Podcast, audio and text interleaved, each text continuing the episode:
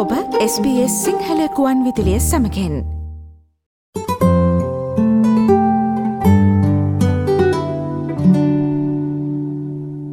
ජාත්‍යන්තර ශිෂ්‍යයෙන් සම්බන්ධයෙන් තවත් ප්‍රවෘතියක් වාර්තා වුණා. දැන් සතියකට පමණ පෙරාතුව ඒ තමයි විශේෂයෙන්ම මේ ඔස්ට්‍රලියාවට පැමිණෙන ජාත්‍යන්තර ශිෂ්‍යන්ට අමාත්‍යවරයාගේ නතන් ආගමන කටයුතු පිළිබඳ අමාත්‍යවරයාගේ අනුමැතියකින් තොරව තමන්ගේ පාටමාලාව මාරු කරන්නට නැත්තන් සංශෝධනය කරන්නට නැත්තම් වෙනත් පාටමාලාවකට යන්නට අවසර ලැබෙන්න නැහැ කියන කාරණාව සම්බන්ධයෙන්. මේක බොහෝ අය පටලවාගත්ත කාරණාව බවට මේ වන විට පත්වෙලා තිබෙනවා බොහෝ ජාතන්තර සිසුන්. මේ සම්බන්ධයෙන් නිවැරදි විස්සර තවමත් හරි හැටි නොදන්න ආකාරයක් තමයි අපිට පෙනී ගිය. එනිසාම අපි හිතුවා අද ස්පේස් සිංහල ගොන්නදිලියෙන් මේ සම්බන්ධයෙන් ඔබට නිවැරදි තොරතුරු ගෙනෙන්නට කාටද මේ කාරණාව බලපාන්නේ? කොහොමද මේ නවනීතිය බලපාන්නේ? කවද ඉඳන්ද මේ නවනීතිය බලපාන්න කියන කාරණා සම්බන්ධයෙන් තමයි අපි දැන් කතාබහ කරන්නට බලාපොරොත්තු වන්නේ. මේ සඳහා අපි සම්බන්ධ කරගන්නවා. ඇඩිලේට් නුවර ලියාපදිංචි සංක්‍රමණ නියෝජිතවරයක් වන දේශානි දියුණුගලගේ මහත්මියව. දේශානය අයිබෝවන් කියල පිළිගන්න අපේ අයට ශ්‍රහන්ට නැවතත්. අයිබෝවන් මතු. දේශානය මුලින්ම අපි පැහැදිලි කරගෙන එමු මොකක්ද මේ නව නීතිය කියලා. ඔව් ඇත්තටම මේක මේ ළඟදී හඳුන්වා දීපු නීතියක්. ඒ කියන්නේ මයිග්‍රේෂන් රෙගියුලේෂන් වලට දාපු අලුත් ඇමෙන්ඩ්මන්ට් එකක්. ඒ අනුව ඒගොල්ලෝ එකතු කරලා තියෙනවා කන්ඩිෂන් 8204AD කියන එක ස්ටුඩන්ට් වීසා එකට කියන 500 වීසා ක්ලාස් එකට මේක දාලා තියෙනවා. ඒ කියන්නේ මොකක් හරි කෝස් එකක් දැන් ස්ටඩි කරමින් ඉන්න. එහෙම නැත්නම් ස්ටඩි කරන් ඉන්න කෙනෙක්ට ඒක higher education කෝස් එකක් නෑ. ඒ කියන්නේ post graduate කෝස් එකක් නා. ඒගොල්ලන්ගේ කෝස් එක වෙනස් කරන්න ඒගොල්ලන්ට බැහැ මිනිස්ටර් කෙනෙක්ගේ approval එක නැතුව කියන එක. එතකොට මේ මිනිස්ටර්ට මේක change එක approve කරන්න පුළුවන් වෙන්නේ ඒක ඇත්තටම ඒක ඉංග්‍රීසි වලින් කිව්වොත් එහෙම unreasonable risk of unwanted transfer of critical technology by the visa holder. ඒ කියන්නේ ඔස්ට්‍රේලියාවට මොකක් හරි රිස්ක් එකක් වෙන ටෙක්නොලොජි දැනුමක් වෙන රටකට යන්න පුළුවන් නම් මිනිස්ටර්ට පුළුවන් ඒ කෝස් එක චේන්ජ් කරන්න නොදී ඉන්න. ඒ වගේම තමයි තව දෙයක් එකතු වෙලා තියෙනවා public interest criteria 4003 B කියන එක. ඒ ඒ මත ඕන කේස් ඔෆිසර් කෙනෙක්ට පුළුවන් ඒගොල්ලන්ට හිතෙනවා නම් ඒ කියන්නේ ක්‍රිටිකල් ටෙක්නොලොජි ඉන්ෆර්මේෂන් වෙන රටකට යයි කියලා ඒකෙන් රිස්ක් එකක් ඒ ඔස්ට්‍රේලියාවට කියලා හිතනවනම් ඒගොල්ලන්ට වීසා එක ග්‍රාන්ට් කරන එක රිෆියුස් කරන්න පුළුවන්. ඉතින් මේ දෙක තමයි තියෙන ප්‍රධානම චේන්ජස් දෙක. ඒ මත අනිත් වීසා කාණ්ඩ ස්ටුඩන්ට් වීසා වලට අමතරව ඒ කියන්නේ ටෙම්පරරි ග්‍රැජුවේට් වීසා එහෙම නැත්නම් employer sponsored visa අපි ගත්තොත් 482 494 uh, 186 187 uh, ඒ වගේම ස්කිල්ඩ් වීසාස් 189 191 වගේ ඒ වගේ වීසාස් වලටත් කේස් ඔෆිසර් කෙනෙක්ට අයිතිය තියෙනවා වීසා එකක් රිෆියුස් කරන්න කැන්සල් කරන්න මේ මේ කන්ඩිෂන්ස් මත. ඔව් දේශානි දැන් මේ නව නීතිය බලාත්මක වන්නේ කවද ඉඳන්ද?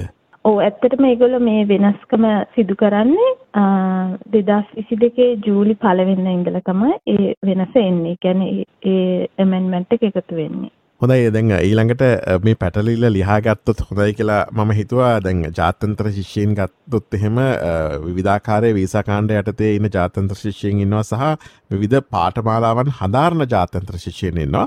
දැන් මේ නව නීතිය කුමන ආකාරයේ ශිෂ්‍ය කාණ්ඩවලටද බලපාන්නේ දේශානේ? ඔව් දැන් මම කලින් කිව්වා වගේම මේ මේක බලපාන්නේ higher education ඒ කියන්නේ පෝස්ට් ග්‍රැජුවේට් ලෙවල් එකෙන් උඩ තියෙන uh, වීසා කාණ්ඩවලට තමයි. කියන්නේ ඩිප්ලෝමා එකක් සර්ටිෆිකේට් ලෙවල් කෝස් එකක් කරන කෙනෙක්ට මේක අදාළ වෙන්නේ නැහැ. ඒ වගේම තමයි දැන් තමන් හදාරන විෂය uh, දැන් අපි ක්‍රිටිකල් ටෙක්නොලොජිස් uh, විදිහට ඒගොල්ලෝ ගණන් ගන්න දැන් ඩිජිටල් දේවල් බැලුවොත් එහෙම ආටිෆිෂල් ඉන්ටෙලිජන්ස් එහෙම නැත්නම් non digital ඒවා විදිහට ඔය සින්තටික් බයොලොජි ඒ වගේ කියන්නේ Um, මොනවා හරි ඔස්ට්‍රේලියාවේ පබ්ලික් ඉන්ට්‍රෙස්ට් කාඩ් ඒ කියන්නේ ඔස්ට්‍රේලියාවේ හෙල්ත් ඇන්ඩ් සේෆ්ටි එහෙම නැත්නම් සිකියුරිටි එකට මොකක් හරි හානියක් සිද්ධ වෙනවා නම් ඒ ඉගෙන ගන්න කෙනා ඒක ඉගෙනගෙන එයාගේ රටට ගිහිල්ලා මොන හරි ඒගොල්ලන් බලපෑම් කරන්න පුළුවන් නම් ඕස්ට්‍රේලියාවට අන්න ඒ වගේ දේවල් තමයි මෙතන uh, ඒ වගේ ස්ටඩි ඒරියාස් තමයි මේගොල්ලෝ වෙනස් කරන්න දෙන්නේ නැත්තේ.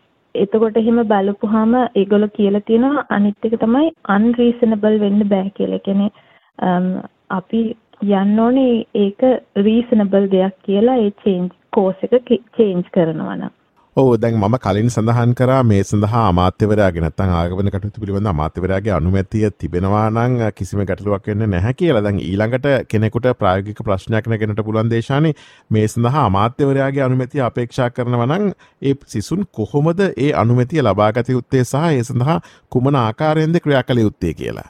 ඔව් ඇත්තටම දැන් මේක අලුතෙන් එන නීතියක් හින්දා අපිට හරියට උපදෙස් හම්බෙලා නැහැ මොකද්ද කරන්න ඕනි ප්‍රොසීඩියර් එක කියලා. ඒ වුණාට දැන් කලින් බලපුවාම දැන් මෙහෙම වීසා කන්ඩිෂන් එකක් තියෙනවා නම් ඒක චේන්ජ් කරන්න අපි ඒ ප්‍රොසෙසිං සෙන්ටර් එකට වේව් එකක් ලබා ගන්න ලියන්න ඕනේ. එහෙම තමයි අපි මිනිස්ටර්ගේ චේන්ජ් එකක් ලබා ගන්නෙ. ඉතින් එතකොට ඒ විදිහට බැලුවොත් එහෙම මේකටත් අපිට හිතෙන්නේ මිනිස්ටර්ට පෙන්වන්න වෙනවා.